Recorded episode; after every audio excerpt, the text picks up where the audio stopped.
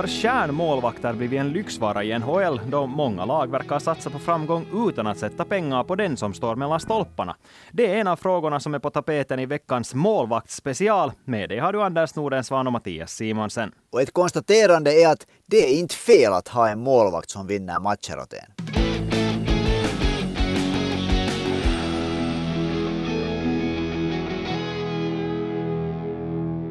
Ja, det här är en fråga som vi har funderat på väldigt länge när vi har pratat så här sinsemellan om vad vi ska diskutera i podden. Och det här med målvakter är ju ett tema som eh, framförallt du, Anders, har velat prata om i flera repriser. Och nu tänkte vi att nu, nu tar vi tag i den här saken. Nu ska vi snacka målvakter ett helt avsnitt.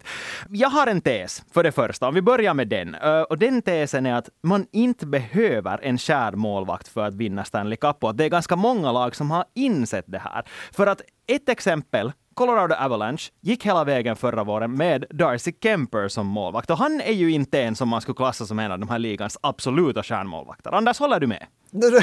Det är egentligen helt, inte så viktigt vad jag tycker, men vet du vad statistiken säger? Ja. Statisti statistiken säger att från och med hösten 2017 framåt, av de NHL-målvakterna som spelat minst 200 matcher, så har Darcy Kemper den bästa räddningsprocenten, 92,1 sedan hösten 2017. Före Andrei Vasilevski, Jose Saros och Connor Helleback. Så tugga på den! Det där kan inte stämma. Darcy, på riktigt, Darcy Kemper kan inte ha den bästa räddningsstatistiken under det här. Va?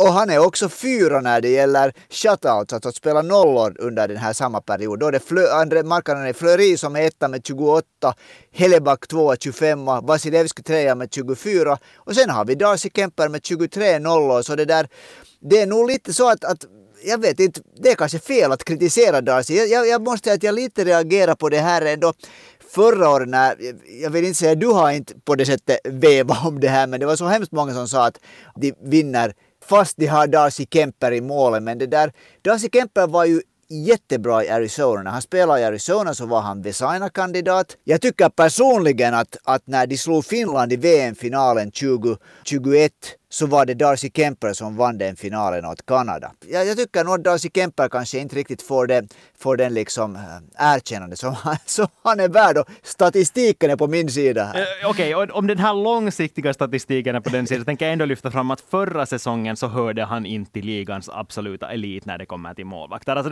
det, statistik säger en sak och statistik ljuger ibland. För ögontestet ja. sa det att han släppte ungefär genomsnittligt ett dåligt mål per match i hela slutspelet spel, om vi tar det som exempel. Och det är där som det gäller att vara som bäst och där som man kanske jämförde honom med Andrei Vasilevski och då var det inget snack om saken att Tampa Bay i finalserien hade målvaktsfördelen på sin sida. Och det här är det egentligen vad jag vill komma fram till, att det är ganska få lag som har vunnit Stanley Cup och med undantaget för Tampa Bay med Andrei Vasilevski som har haft en sån där stjärnmålvakt. För det är fakta som du inte heller kan motstrida sådär jättemycket. Nej, nej, och nu tycker jag ju också att Andrei Vasilevski är det där en bättre målvakt än det där Darcy Kemper. Det där. Men, men det, är liksom, det är intressant det här för om man tänker då, okej, okay, Andrei Vasilevski har också haft under de här mästarsäsongerna så har han ju också haft ett grymt bra lag framför sig. Som, som liksom, man kan ju inte säga att Tampa Bay är ett sånt här lag som, som det där bjuder, bjuder motståndarna till att skjuta från high danger chances sådär speciellt mycket. De är ganska bra på att rensa ut spelare från slottet. Nu är det ju hela tiden så att, att vi ska alltid komma ihåg att de här killarna som är i NHL som målvakter, de är inte dåliga målvakter, de är bra målvakter. Att det är nog alltid liksom en helhet det här hur laget spelar, hur målvakten presterar. Ja, exakt. Och det är ju hela det där laget som på något sätt, eller jag tycker att det har blivit större fokus på det om man jämför med till exempel hur det var för tio år sedan när det var mycket mer tal om att man måste ha en jättebra målvakt och då när Antiniemi vann med Chicago Blackhawks så var det mer ett undantag som bekräftar regeln att ibland kan man ha en dålig målvakt om också motståndarna, som i det fallet Philadelphia hade, en ganska svajig målvakt. Men att nu är det mer så att man litar på att man har en som är tillräckligt bra, en som är helt okej okay och ger laget framför honom en chans att vinna den här matchen, att det ska räcka. För om vi tittar på till exempel den förra finalserien så var det exakt det som hände, att Colorado var det bättre laget. Oavsett om Vasilevski är en bättre målvakt än Darcy Kemper, så var Colorado så pass mycket starkare som lag. Och då när Tampa Bay vann sina titlar så hade de ju ett helt annat, eh, på ett, eller ska vi säga på ett helt annat sätt, ett fungerande lagspel än det vad vi såg på förra våren. Och att Andrei Vasilevski då, helt som du också sa, att han var bara en del av det där fantastiskt starka laget som Tampa Bay var då, de två åren på raken. Och det, om man skulle ha bytt om då så att det där Carey Price skulle ha spelat i Tampa Bay och det där och, och Vasilevski skulle spela i Montreal så nu skulle ju Tampa ändå ha vunnit den finalserien. Ja, och då skulle Carey Price antagligen ha hyllats mycket mera för hur otroligt bra han var. Och där kommer vi in på det där nästa poängen som vi lyfter fram, att de här lagen som har gått långt i slutspelet, som har levt egentligen på att bara ha en bra målvakt, så där hittar vi otroligt många lag som har gått till Stanley Cup-final men som sen där förlorat. Ta nu till exempel Carey Price som absolut var den största orsaken till att Montreal gick hela vägen vägen till final. Pekka Rinne då med Nashville. Att sen när man kommer så långt så räcker det inte längre. Att när man ska koras till det bästa laget i hela världen, om man får säga så, så då mm. räcker det inte med att bara ha en bra målvakt. Ja, det här har vi nog sett, vi har sett det upprepade gånger. Det är ju, nu drar jag det här från minnet, men typ, det, är, det är typ två förlorande finallagsmålvakter som under de senaste 30 åren har blivit valda till, till slutspelets mest värdefulla spelare. Det var Hextall på, på det där 90-talet och så var det Siger i Anaheim när Anaheim förlorade första finalen. De vann ju sen lite senare, men det var 2003 som de förlorade finalen. Så det är just så, och, och så, så var då när Jere Lehtinen och Dallas Stars vann Stanley Cup, så då hade Dominik Hasek ganska långt liksom burit Buffalo fram till, fram till, ända till finalen, men där tog det slut. Det är på något sätt, är det sen så att, att, att, om det bara skulle spelas tre slutspelsserier för att kunna vinna Stanley Cup, så skulle det räcka till med en supermålvakt då. men med den här statistiken framför oss, så då vill jag slå fast att det här är någonting som klubbcheferna all, alldeles garanterat har lagt märke till också, och inte mera satsar på sådana här superstjärnemålvakter på samma sätt. Och nu finns det också exempel som vi måste lyfta fram som skrämmande exempel. För det finns ju nu redan vissa lag. Historiskt sett har det funnits flera lag som har lagt otroligt stora pengar på en målvakt som de har litat på att ska vara den där kärnmålvakten som de kan lita på i slutspelet också. Men så har det sen visat sig att det inte riktigt är så. Och då talar jag ju kanske främst om Florida Panthers och Sergej Bobrovski just nu i NHL. Jo, det är nog det där, det, det, undrar om det kommer någon sån här liksom oskriven lex Bobrovski här. För att det där, jag tror nog att det kommer att ta länge tills en, en general manager nästa gång skriver ett, ett det där långt kontrakt för 10 miljoner per säsong med en, med en målvakt. Speciellt när det, det där som jag tycker att, att man ser att, att nivån på NHL-målvakter är liksom, den är nog hög. Att, i princip vilken NHL-målvakt nästan som helst kan göra en grymt bra säsong bara han får den backup som behövs. Ja, exakt. Och samtidigt är det jättesällsynt att du skulle ha två målvakter som är så dåliga att det skulle falla uttryckligen på det. Att resten av laget är så bra att det är bara målvaktsspelet som inte håller mm. måttet. Och nu är det säkert många som viftar med näven i, i vädret och säger att hur är det med Edmonton Oilers då? No, ja. Där, de har inte varit ett tillräckligt bra lag. De hjälpte nog inte Mikko Koskinen eller Mike Smith överhuvudtaget för att gå långt i slutspelet. Det var nog där var det också den här tesen att tillräckligt bra målvakter, men resten av laget måste också göra tillräckligt bra jobb för att de ska kunna spela på en tillräckligt bra nivå. Jag tycker att ett bra, ett bra exempel på det här är egentligen det där Jose Saros i Nashville. För Nashville har, har, ju, har ju mellan spelarperioder så förra säsongen, den här säsongen, att, att försvarsspelet inte fungerar. Och då hjälper det inte fast vad en Saros gör så går det puckar in bakom honom. Men sen när de liksom tätar till och, och spelar, hur ska man säga, ett tillräckligt bra försvarsspel, så då stiger han fram till, till en sån här att han verkar som en, som en levande mur. Men de här NHL-skyttarna är så bra att när de kommer in där i liksom 3-4 meter från målet och det finns, det inte, liksom, de har utrymme att skjuta, de får skjuta i fred, de får passa till varandra, får flytta på målvakten med sidoledspassningar, så blir det mål. Det är helt samma vem där är.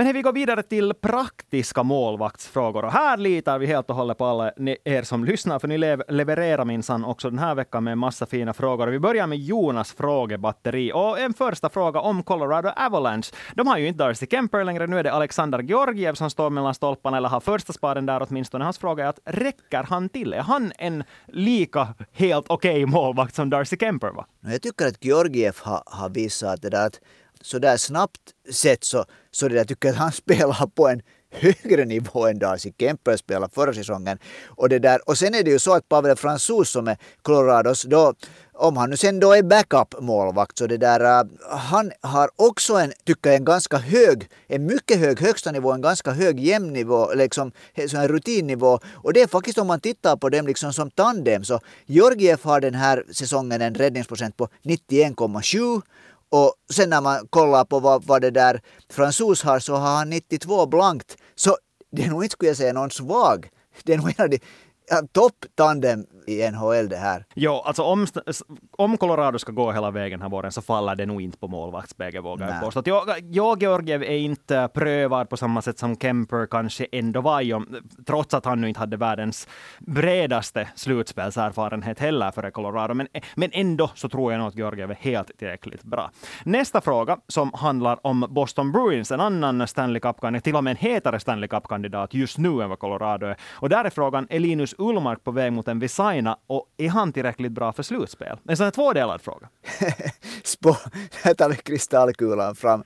Jag tror, att, jag tror att det är ganska tryggt att säga att han är på väg mot Vesaina. 93,8 i räddningsprocent och 1,82 goals i, i mål i genomsnitt. Så det Vesaina det där. Vesaina lär nog ska trilla in till honom. Men det där, sen, ja, är han tillräckligt bra för att vinna Stanley Cup? Det, säg det. ja, det är sådär att, om man tittar på eh, de här gångerna när Boston har gått till final, så då har de ju faktiskt litat på att de har, på samma sätt som Tampa Bay hade med Vasilevski, ett sådant otroligt bra lag plus en otroligt bra målvakt. Att Boston verkar historiskt sett åtminstone spela i sån hockey som kräver att man har en målvakt som presterar på den där nivån och på den nivån som Tuukka Rask presterade i slutspelet tidigare. Och det räckte inte ens till senast. Så jag skulle inte säga heller att Bostons spel nödvändigtvis står och faller på Linus Ullmark, utan att det också där handlar om att resten av lagen måste stödja honom tillräckligt mycket för att de ska kunna gå. Men med det sagt så är östra konferensen kommer att vara så otroligt tuff att ta sig vidare från i slutspelet, att det kan faktiskt vara att det är de här så pass små detaljer som att vilken målvakt är just bättre i den serien. Och där finns det faktiskt frågetecken kring Ullmark, skulle jag nog ändå våga påstå. Alltså, det finns frågetecken så länge tills han har bevisat att det inte finns frågetecken. För det här är första säsongen som han på riktigt ska bära ett lag. Och när du sa östra konferensen, tycker jag att man ännu kan liksom se, titta att Atlantic-divisionen för målvaktskampen där till exempel, om det då blir en, en divisionsfinal till exempel mellan Tampa och Boston. Så det där Ja, det, det, är nog att vara... Det är inte bara att prestera på toppnivå, det är också att hållas hel, att inte bli skadad. Mm, och sen är det inte heller omöjligt överhuvudtaget att Boston skulle ställas till exempel mot New York Rangers redan i den första omgången och att där skulle det mm. vara Ullmark mot Chestorkin och en Chestorkin som eventuellt kan spela på toppnivå. Så redan där kan det bli problem med den här målvaktsduellen. Så jätteintressant att följa med under våren och ja, helt som du sa Anders, sen när han presterar tillräckligt bra så sen kan vi säga att, att ja, Linus Ullmark är en slutspelsmålvakt också. Men ja, och helt som du så håller jag nog med om att han är ju den solklara Vesaina-kandidaten just nu, tillsammans med kanske Connor Hellebuck. För nu måste jag säga att alltså, grundserien är ju också värd ganska mycket. Det är ett halvt års spelande, 82 matcher. din bästa målvakten, Linus Ullmark, också kommer antagligen att, att, att spela det där över 50 matcher. Om man håller en nivå på över 90 93 procent och under två mål i snitt. Så det, där, det, är liksom, det är siffror men det är helt otroligt. Och nu har vi ju sett Linus Ullmark här göra sådana räddningar till exempel mot Toronto här för, förra veckan. Att, att, att jag åtminstone ville inte tro mina ögon hurdana räddningar han gjorde i den matchen. Mm, det blir väl liksom, om man nu använder en finsk term, läpihot och jutto på samma sätt som när Igor Sjestorkin vann i fjol. Det, det, känns ju just nu åtminstone som så. Ja, nu är det ju så. Nästa fråga av Jonas alltså. Vem är Columbus Blue Jackets första målvakt just nu? Är det Elvis Merslikins eller är det Jonas Korpisalo? Korpisalo har väl nog varit bättre än, än Merslikins för tillfället. Merslikins har en större lön och är det där yngre så det där, jag vill väl nog påstå att det där NHL fungerar på det sättet att Merslikins äh, är den målvakten som, som laget ser som sin första målvakt. Jag, jag skulle säga att NHL fungerar så för ett lag som inte under några omständigheter alls kommer att gå till slutspel och som tvärtom bygger för framtiden. Så där är det så att Mens Likins är etta. Om, om Columbus faktiskt skulle kämpa om att gå till slutspel och gå långt i slutspel, så då skulle det handla om vilken målvakt som spelar bättre. Men i och med att det redan är etablerat, att Jarmo Kekäläinen har valt att Elvis Mens Likins är framtidens målvakt, han har kontrakt uh, för de fyra kommande säsongerna ännu, ännu efter den här säsongen. Jonas Korpisalo förväntar sig ju många att skulle bli tradad redan förra året, men han blev skadad och det fanns ingen marknad för honom. Nu fick han det här ettårskontraktet som enligt många var en sån här eh, uh, uppvisnings överenskommelse, att han kom överens med Columbus att han får en chans till att visa upp sig, höja på sina egna aktier inför då antingen uh, att det är transferfönstret stängs eller sen sommarens fria agentmarknad. Att jag tror också att orsaken till att han spelar så mycket som han gör just nu till 100 procent handlar om att Kekäläinen vill visa upp honom och kunna sälja honom före transferfönstret stängs. Men nu är, det, nu är tröskeln fortfarande, tycker jag, förvånansvärt hög när det är en målvakt som har ett stort kontrakt så, så nu är det liksom nu, nu är det minst en gång i veckan som man funderar om att tänk om han ändå skulle klara det här. Nej, men vi såg ju det till exempel i St. Louis eh, förra säsongen med Ville Husso och Jordan Minnington. Ja. Att det där var det ju Husso som egentligen blev första målvakt, men han, han spelar ju med en otro, ett otroligt kort koppel sen igen. Att genast när han gjorde en dålig match så fick Binnington hoppa in. Att det är kanske den, den verkligheten som Eller en dålig period. Eller en dålig period. Men hej, vi har en följdfråga här. Eh, inte av Jonas utan av Sebastian som också undrar lite om Korpisalos läge.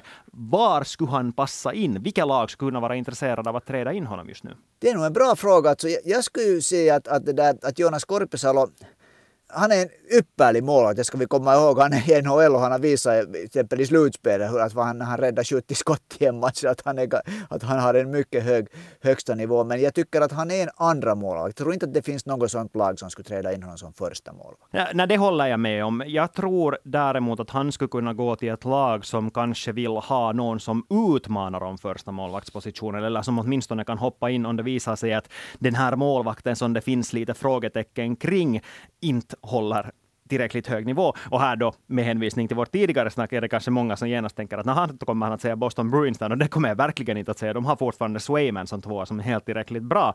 Men däremot finns det andra lag som är på väg till slutspel, som har frågetecken på målvaktspositionen. Toronto Maple Leafs skulle jag vilja lyfta fram, men de har ju absolut ingen utrymme överhuvudtaget under lönetaket, så jag tror inte att de får det att funka. I den västra konferensen sen så skulle det kunna finnas, ska vi nu ta Vegas Golden Knights, ett lag som absolut borde ha intresse, men de har också sen det här lönetaksproblemet. Men sen igen, till exempel Seattle Kraken, Martin Jones spelar på en alldeles otroligt hög nivå just nu. Ja, de har Philip Grubauer också där, men samtidigt så varför inte? Alla de här lagren som du nämner så, så, så är, är, säkert sådana. Alltså, Vegas Golden Knights tycker jag att låter på sättet ganska intressant just för att han är så, för att Korpisalo är liksom rutinerad, vilket ju Logan Thompson inte är. Att plötsligt när en, en rookie-målvakt, så vad händer sen om han plötsligt liksom, om han bara inte pallar för trycket? Det där, Toronto är lite av annan åsikt, för jag tycker att Toronto har en, en målvaktstandem som är ganska bra och man ser hur lite mål Toronto har släppt in den här säsongen. Så ja, de spelar mera kompakt än tidigare, men nu har säkert målvakterna också någonting att göra med det.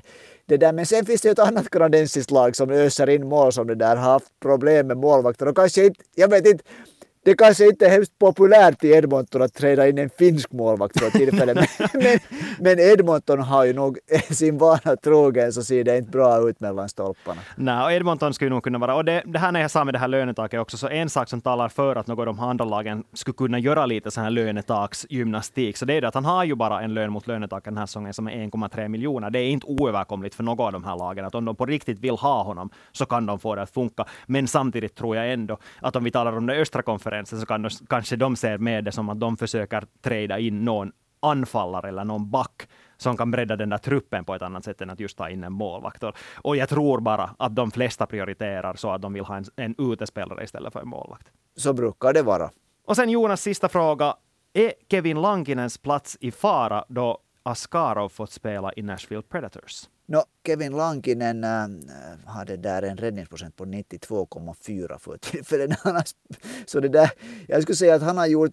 Det är nästan så att jag skulle vilja säga att Kevin Lankinen för tillfället är ligans bästa backup-keeper. Andra målvakt. Vad, vad det där, tycker du att det här låter helt liksom blåvitt? Nej, nej, inte överhuvudtaget. För det talades ju om redan under hans tid i Chicago att han inte nödvändigtvis är den där första målvakten, men att han kan vara en sån här 1B-målvakt. Alltså en målvakt som till och med spelar 50-50 i något lag, där han ändå inte behöver ha det där huvudansvaret på samma sätt som Jose Saros har i Nashville. Men för att besvara den här frågan om Askarov hotar honom, så då skulle jag säga att svaret hittas bara genom att titta på Carolina Hurricanes och det faktum som hände där, att Piotr Kochetkov skickades ner till AHL när Fredrik Andersen blev i spelskick. Och där handlade det helt enkelt om det att de har tre målvakter. En av de här målvakterna kan de skicka ner till AHL utan något som helst problem, eller, behöver, eller utan att behöva vara rädd för att något annat lag plockar upp honom från waivers-listan. Och Askarov är den. Så nej, den här säsongen behöver han inte vara rädd för sin plats, men kommer han att få någon fortsättning i Nashville så är svaret absolut nej.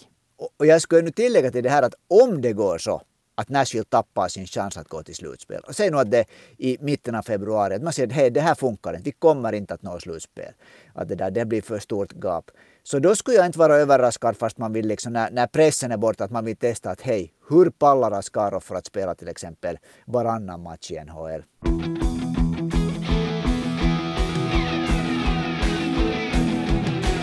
Sami har en fråga om en annan finländsk målvakt. Ukko-Pekka Luukkonen i Buffalo Sabres. Kan han ta första spaden redan i år? Åtminstone det där så låter det så. Jag hade där, lyssnat faktiskt här på en nordamerikansk podcast för ett par veckor sedan där, där det var en sån här insiderjournalist från, från Buffalo som snackade. Och det verk, låter så som det där som äh, förhoppningarna på Ukko-Pekka Luukkonen är jättestora och man anser att man har varit ganska försiktig med honom men att han det där helt tydligt har nu svarat liksom att han spelar på en hög nivå. Så jag det där jag skulle säga att Ukko-Pekka Lukkonen är ytterst nära att ta över första spaden redan den här säsongen. Och här för att återkoppla till det som vi talade om lite tidigare. Om det är ett lag som faktiskt på fullaste allvar kämpar om att gå till slutspel, som Buffalo Sabres ändå gör. De har kanske inte oddsen på sin sida just nu, men de har fortfarande spelat mycket färre matcher än vad Florida Panthers har gjort, även om de ligger bakom dem i tabellen. Så om de tar poäng enligt samma snitt som de har gjort hittills, så kommer de att ligga ganska nära slutspelsträcket. Och då är det så att det är den bättre målvakten som startar. Har Ukko-Pekka Luukkonen det som krävs för att ta hand om första spannen? Det har han absolut. Jag tror att han kan göra det, men eh, jag, jag skulle inte gå och säga att han kommer att göra det. Nej, det är inte... Målvakter det, det, det är ju så individuella idrottare som man kan vara i en lagsport. Så de har det liksom, det som gäller är vad de presterar och då när det är press på dem. Just det att om, om Buffalo har det här att hej, vi kan hänga med i slutspelskampen och de anser att nu förlorar vi en match på grund av Ukko-Pekka Luukkonen då, är det, då är det nog liksom direkt så att aha, att han håller inte för trycket. Å andra sidan, när han vinner åt dem ett par matcher när det, det står och väger, då växer förtroende och sen, sen det där får man ju ett litet lager av förtroende också om man vinner några riktigt täta matcher. Men nu är ju faktum det att det finns ju inte så jättemånga fler finska målvakter i NHL än de som vi redan har diskuterat hittills i det här avsnittet. Och här kommer vi till en fråga som Patrik har skickat in. Vad är det som har ändrats då antalet finska målvakter har sjunkit så drastiskt i NHL? No, jag tycker att två, två förändringar är att det har kommit in en otrolig mängd med ryska målvakter till NHL under de senaste åren. Och här är ju en liten finsk kurva, sväng som, för att många av de här ryska målvakterna har blivit coachade av finska målvaktstränare som har fått det där bättre löner i KHL och nu finns det ju inte mera kvar där men det där, det finns en liksom, vi vet alla det finns en massor med ryska målvakter och så finns det också för tillfället mycket fler svenska målvakter i NHL än det fanns till exempel för 6-7 år sedan. Mm. Eh, det har ju mycket talats om det här att, att Finland hade en fördel för, säg 10 år sedan eller 20 år sedan till och med, när, när man satsar så mycket på målvaktsträningen i Finland och Finland faktiskt var jättebra på att utveckla målvakter. Men den fördelen har försvunnit i och med att andra länder helt enkelt har kommit ikapp och börjat producera målvakter i samma takt som Finland. Och det gör att liksom det här antalet finska målvakter i NHL inte lika så oproportionerligt stort som det var tidigare. Minns jag, det finns jättemånga som målar upp sådana här farhågor om att det är målvaktskatastrof på gång. Så, så långt skulle jag inte vilja gå, för det finns fortfarande lovande målvakter och så där i systemet. Och helt som du sa, Anders, och det har vi fått in en fråga om faktiskt också. Edvard undrar i och med kriget i Ukraina och i och med att KHL har den status bland finländare, förutom Teemu Pulkkinen, som den har just nu, så kommer de här målvaktstränarna att återvända till Finland. Och skulle det här kunna leda till att antalet finska målvakter i NHL också stiger efter en tid? No, jag tycker det är ett, det är ett logi, en logisk slutsats att det kan gå på det sättet. Och kanske, kanske det i något skede också börjar bli så att, att, att NHL inte, inte plockar in lika mycket ryska målvakter som hittills. Det får man se. se. Ja, det, det där... tror jag nog inte att kommer att hända, tyvärr. no, no, kanske lite färre. Men det där, så, så ska jag nog också säga att inte det är ju någon kris. Att om vi tänker just att Juuso Saros som då är, börjar vara nestor där i gänget, så han är, vad är han nu, är han 26 år nu då? och så går man neråt. Så det, är ju, det finns ju en massa målvakter som har tio år kvar av sin karriär. Sen har vi just Ukko-Pekka Luukkonen som är på väg att bli första målvakt. Justus Annunen i Colorado som många ser som en, en, en stor stjärna att det där på, på kommande. Att, att nu finns det ju liksom att vi kan ju inte vänta oss att det ska finnas så hemskt, hemskt många finska målvakter i NHL. Jag tycker att om det nu finns en handfull målvakter av vilka ett par, tre första målvakter så nu ska det mycket till att det i något, överhuvudtaget någonsin blir mer. Och där börjar du den besvara Sebastians fråga. Vilka målvakter är up and coming bland de finska målvakterna i Nordamerika just nu? No, nu är det väl Annunen och, och Luukkonen som jag, som jag liksom skulle, skulle lyfta fram här. Ja, jag tycker att man inte ska nämna Luukkonen. Jag tycker redan att han börjar etablera sig som ja. en NHL-målvakt. Men det har gått snabbt. Det är egentligen under de senaste par månaderna som det har hänt. Jo, jo, jo, det håller jag med om. Före säsongen så skulle jag ha klassat Luukkonen som en sån här up and coming också. Nu ska jag redan säga att han är där. Annunen mm. är det här namnet som alla lyfter fram såklart. Och så ska vi inte heller glömma Filip Lindberg som mm. Eh, gjorde en alldeles fantastisk start på säsongen 2001-2002 eh, i AHL i Wilkes Bar Scranton Penguins före han skadade knä och var borta resten av säsongen. Där så är han nu, no, de har delat nästan 50-50 med Dustin Tokarski på ansvaret och hans siffror är nu inte sådär huisigt bra för att använda en finlandssvensk term. 2,71 genomsnitt insläppta mål per match och en räddningsprocent på 90,7. Men nu ska vi minnas att ändå, han missade hela förra säsongen och han har fortfarande jättestor potential att utvecklas i ett lag där det absolut går att ta den andra målvaktspositionen i princip när som helst. Så jag skulle också poängtera att det finns en finlandssvensk målvakt redan nu i Pittsburgh Penguins organisation som redan nästa säsong kan vara en sån där som har börjat märka att hej, att den här killen börjar kallas upp till NHL. Att vem med det här? Borde vi lägga märke till honom? Han får på samma sätt, inte riktigt lika mycket som Julius Saros, men han har också det som får bevisa att en, en NHL-målvakt kan vara under 190 centimeter lång. Vi tar och avslutar den här frågesektionen med en lätt, lättsam, lätt fråga av Noah. Vem är den bästa målvakten i NHL just nu? Ja, det där, jag skulle så gärna säga att det är Julius Saros, men jag måste ju nog säga att Linus Ullmark är nog bäst. Jag tänker titta som du inledde det här avsnittet med, att titta på ett bredare perspektiv och inte bara titta på mm. vem som har varit bra uttryckligen. Jag förstår att det var just nu. jo, jag håller med om att det är just nu. Det här är en målvakt som ja. just nu hör till de absolut bästa i hela NHL och har varit det i flera års tid. Jag tänker säga att det är Connor Helleback. Utan ja, honom skulle Winnipeg inte ens vara nära att gå till slutspel. Det har du rätt i. Ja, ja, det där. Ja, ja, du, du vann den här matchen med det där. Nej, fan, ja, no, ja. okej, Linus Ullmark skulle gå, skulle, Boston skulle gå utan Linus Ullmark också, så det där. Jeps. God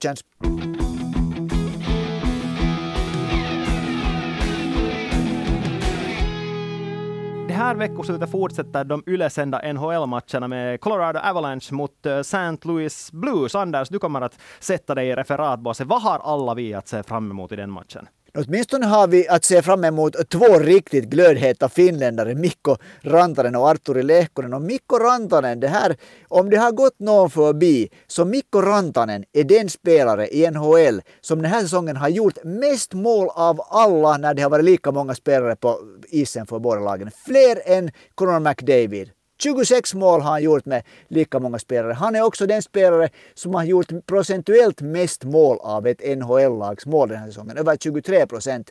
Så tänk på det här när ni sätter er ner och njuter av Mikko Rantanen och också Arturi Lehkonen. Mm.